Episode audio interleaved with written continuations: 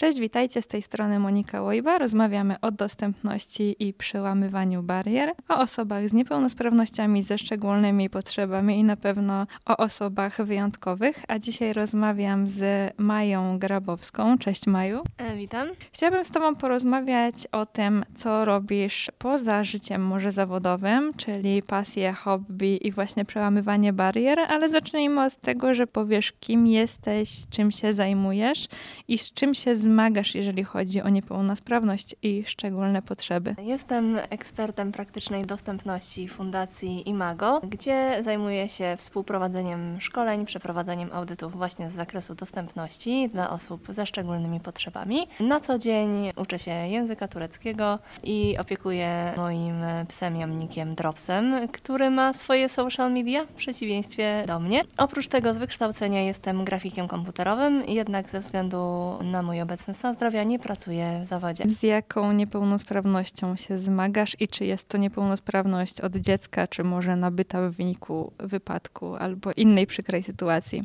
Na co dzień poruszam się na wózku, jestem osobą z niepełnosprawnością ruchową. Oprócz tego nie dosłyszę oraz choruję na zaburzenia lękowo-depresyjne. Moja niepełnosprawność jest nabyta w wyniku choroby. Choruję na chorobę rzadką, to jest toczeń rumieniowaty układowy z zajęciem narządów i układu nerwowego. Polega to na tym, że choroba zajmuje poszczególne narządy, uszkadzając je, niszcząc, stąd jakby stopniowe zmiany w moim funkcjonowaniu i pojawianie się kolejnych niepełnosprawności. W jaki sposób poruszasz się po mieście? Jakie napotykasz bariery w dostępności? Czy udało ci się jakieś przełamać albo znaleźć może alternatywne rozwiązania? Na co dzień poruszam się na wózku aktywnym.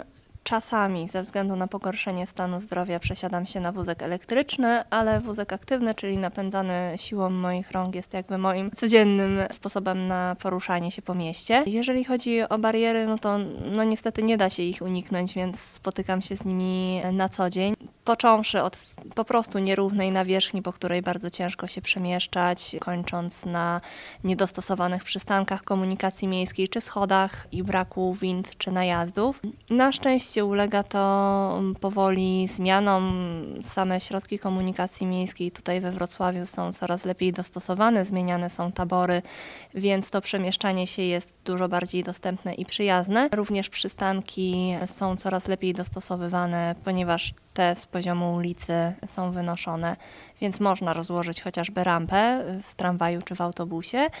No niestety są miejsca, w których jakby no nie jesteśmy w stanie uniknąć barier chociażby architektonicznych, bo od tego z, m, chciałabym zacząć typu chociażby Stare Miasto, gdzie budynki są, głównie składają się ze schodów, bardzo często nie ma wind, są wysokie progi, wysokie krawężniki, które no niestety dla osób na wózkach są bardzo problematyczne. Bardzo często są to miejsca, do których po prostu nie możemy się dostać, więc planując tak naprawdę każde wyjście z domu, szczególnie jeżeli jest to nowe otoczenie, jeszcze przez nas niepoznane, musimy zwracać uwagę naprawdę na wszystko, od nawierzchni, po której będziemy się przemieszczać, po przystanek, czy miejsce parkingowe, czy jest dostępne, czy w ogóle jest dostosowane, czy miejsce, do którego idziemy przypadkiem. Nie ma wyższego progu do wejścia, czy jeżeli tam są schody, to czy jest winda lub jest osoba, która nam pomoże się do niej dostać. Zdarzają się takie sytuacje, że winda jest, ale do windy prowadzą schody chociażby w starszych budynkach, więc dużo jest takich obszarów, które jeszcze są cały czas do dopracowania. Jeżeli chodzi o świadomość społeczną,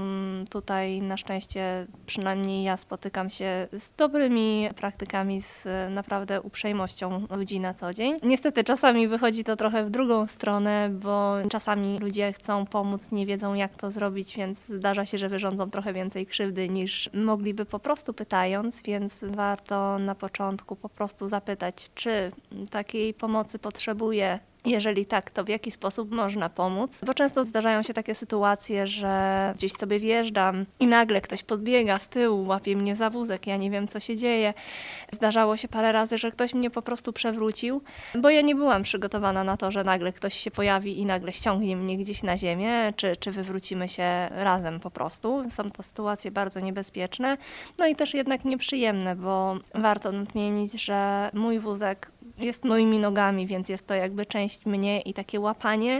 Mnie za wózek jest równie dobrze, ktoś mógłby złapać mnie w tym momencie za rękę, za bark y, czy za nogę, więc jest to moja przestrzeń osobista, ale na szczęście coraz częściej spotykam się z tym, że faktycznie ktoś podchodzi, pyta, czy potrzebuje pomocy, jak może mi pomóc, czy na przykład pomagając mi ściągnąć wózek po schodach, czy znaleźć chociażby dojście do windy, czy do dostępnego wejścia. No i właśnie, schody, krawężniki, podejście do wind, niedziałające windy albo ich brak – i jak to wszystko się ma do tego, że ty się wspinasz? Co to jest za wspinaczka i skąd w ogóle wziął się taki szalony pomysł? Tak, brzmi to co najmniej dziwnie, o ile niewykonalnie. Zaczęło się niewinnie, ponieważ szukałam usług asystenckich, czyli osoby, która w moim codziennym życiu będzie mi pomagała radzić sobie właśnie z tymi barierami napotykanymi na co dzień w postaci asystenta osobistego. Tak trafiłam do Fundacji Imago. Tam od słowa do słowa przy okazji omawiania moich potrzeb, jakiego wsparcia potrzebuję, okazało się, że jest projekt Adventure Therapy, czyli takiego rozwoju związanego z przyrodą, z naturą i jest spływ kajakowy. Więc zaczęło się zupełnie od innej strony. Problemem było to, że jestem epileptykiem i połączenie jednak spływu wody i moich napadów, dużych napadów padaczkowych, no niosło to ze sobą pewne ryzyko. Na szczęście udało się zorganizować wyjazd tak, że jechałam z osobą, która zna stan mojego zdrowia, wie jak reagować i w razie czego szybciej rozpozna zbliżający się napad padaczki. Przepłynęliśmy 10 km Doliną Baryczy. Wyjazd był super i tak w ogóle zaangażowałam się w projekt Adventure Therapy, który wszedł w pewnym momencie na dużo wyższy level, ponieważ dziewczyny stwierdziły, że no okej, okay, skoro na kajakach sobie poradziłam, tutaj nie było większych problemów to może spróbowałabym wspinaczki. Dla mnie był to totalnie temat nie do ogarnięcia, no bo jak osoba, która nie chodzi na co dzień, przemieszcza się na wózku, ma się wspinać. Jest to aktywność, na której jednak mocno pracują nogi, jest bardzo urazowa, więc grunt to przecież znaleźć hobby dobrane super do siebie. Ale od słowa do słowa okazało się, że da się ten sport zaadaptować do mnie po prostu metodą prób i błędów na ile jestem stabilna w uprzęży, na ile będę potrzebowała wsparcia, pomocy już na ścianie. I y, udało się już długi czas. Wspinam się razem z dziewczynami, też poprawiając w sumie moje codzienne funkcjonowanie, bo wspinaczka nie tylko jest fajną formą spędzenia czasu, czy fajną aktywnością taką sportową, ale też bardzo mocno rozwija nie tylko pod kątem fizycznym, czyli poprawienia samej sprawności czy świadomości ciała, ale też psychicznie pozwala się rozładować, pozapominać o tych lękach, napięciach i tym stresie, w którym się funkcjonuje na stałe, przenieść to na ścianę, poprawia koncentrację, jakby działa na wielu, wielu obszarach. A wspinanie jako sam proces wspinania jest tylko jedną z części tak zaczęłam się wspinać. A jak to wygląda w technicznej stronie? Bo mówiłaś, że potrzebujesz asekuracji na ścianie, tym samym jeździsz na wózku, więc te nogi nie są takie wysportowane, silne powiedzmy, więc co, ktoś cię na przykład wciąga, ktoś cię podtrzymuje, podsadza, czy jakie znalazłyście z trenerkami na to inne rozwiązania? Ja się wspinam metodą na wędkę tak zwaną, czyli cały czas jest osoba, która mnie asekuruje, ewentualnie pomaga mi blokując mnie na ścianie, żebym po prostu nie spadła lub odciąża mnie, jeżeli mam problem z wykonaniem ruchu. U mnie, bo to jest jakby wypracowana przeze mnie i przez dziewczyny metoda wspinania, bo to też jest jakby kwestia bardzo indywidualna, jeżeli chodzi o osoby z niepełnosprawnością ruchu. U mnie wygląda to tak, że pomagam sobie po prostu jedną ręką podnieść nogę, przesunąć ją, postawić na odpowiedni chwyt na ścianie, drugą po prostu wisząc, trzymając się. To jest jakby moja metoda. Ja też nie mam zupełnie przerwanego rdzenia, więc jakąś ruchomość w zakresie nóg e, posiadam. Więc jeżeli też jestem w stanie przesunąć po prostu tą nogę, to to robię. Staram się po prostu jak najbardziej aktywizować też tą dolną część ciała, ale cały czas robię to w asekuracji osoby drugiej. Nie mam możliwości wspinania się na przykład na bulderach, nach. Na baldach, gdzie nie miałabym osoby, która w razie czego by mnie gdzieś przytrzymała, no bo ja w momencie, kiedy źle tą nogę gdzieś umiejscowię, czy ześlizgnie mi się ręka, po prostu lecę, bo nie mam nad tym żadnej kontroli. Więc też jest to po prostu kwestia bezpieczeństwa, że nawet jeżeli wspinam się na auto asekuracji, czyli jestem podpięta do, do automatu, który w momencie, kiedy odpadnę od ściany, gdzieś powoli sprowadza mnie na dół, też jest osoba, która na dole pomaga mi po prostu się zatrzymać, bo ja nie zabezpieczę się nogami. Jedyna moja opcja zabezpieczenia, kiedy lecę w niekontrolowaną stronę, e, to są ręce.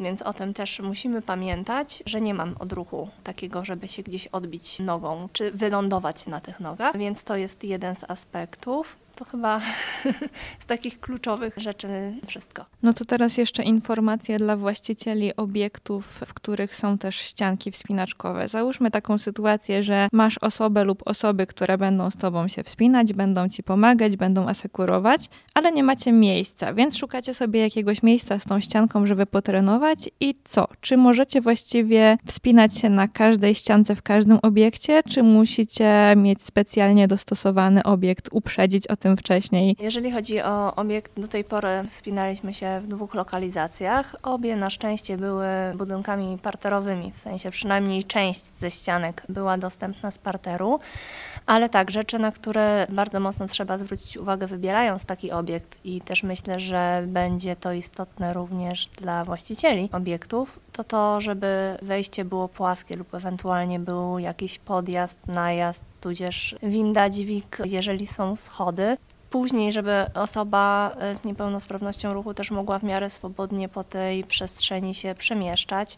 Czy nawet takie podstawy pod tytułem większa dostępna toaleta z uchwytami, bo to też jest istotne, czy szatnia, w której będziemy mogli sobie spokojnie wjechać wózkiem, przebrać się, zostawić rzeczy, chociażby z haczykiem, na którym możemy powiesić sobie kurtkę, który będzie na naszej wysokości, bo no, jakby osoba na wózku jednak sięga dużo niżej niż osoba chodząca, więc jest to z takich totalnych podstaw myślę, że istotna sprawa. W zerwie, w której się wspinamy teraz, część ścianek na przykład jest na dole, do drugiej części prowadzą schody, no tego się nie da inaczej rozwiązać, ale dla mnie na przykład nie jest to w żaden sposób y, przeszkadzające, bo mam dostęp do dużej części ścian po prostu na parterze. Jeżeli faktycznie planujemy wspinać się na górze, bo tam są trochę inne trasy, to mamy to już dogadane też z dziewczynami, że no trzeba mnie będzie po prostu po tych schodach wnieść, więc no tutaj jakby jest to kwestia już dogadania się w swoim gronie z trenerkami, więc jest to do zrobienia.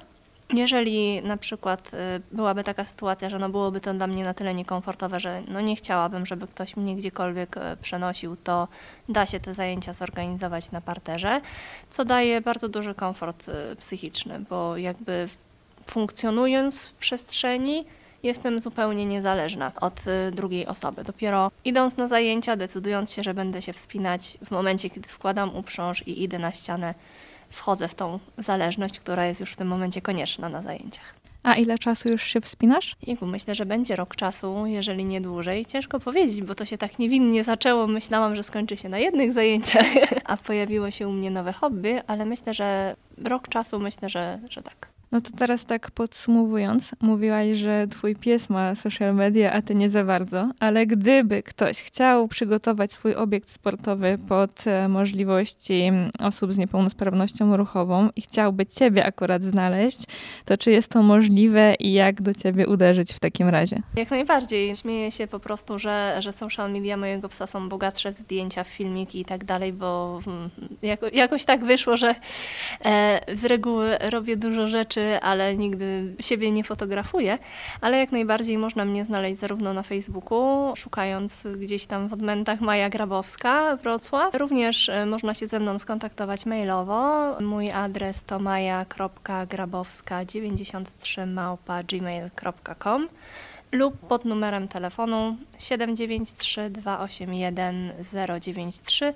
Jednak prosiłabym o SMS-a wcześniej, ponieważ jestem niedosłysząca, więc nie znając osoby, z którą będę rozmawiać, mogę mieć problem, żeby się dogadać przez telefon. Dzięki wielkie. Rozmawiałam z, ze Spider-Woman, właściwie Mają Grabowską. Prowadziła dla Was rozmowę Monika Łojba. Dziękuję Ci, Maju. Bardzo dziękuję.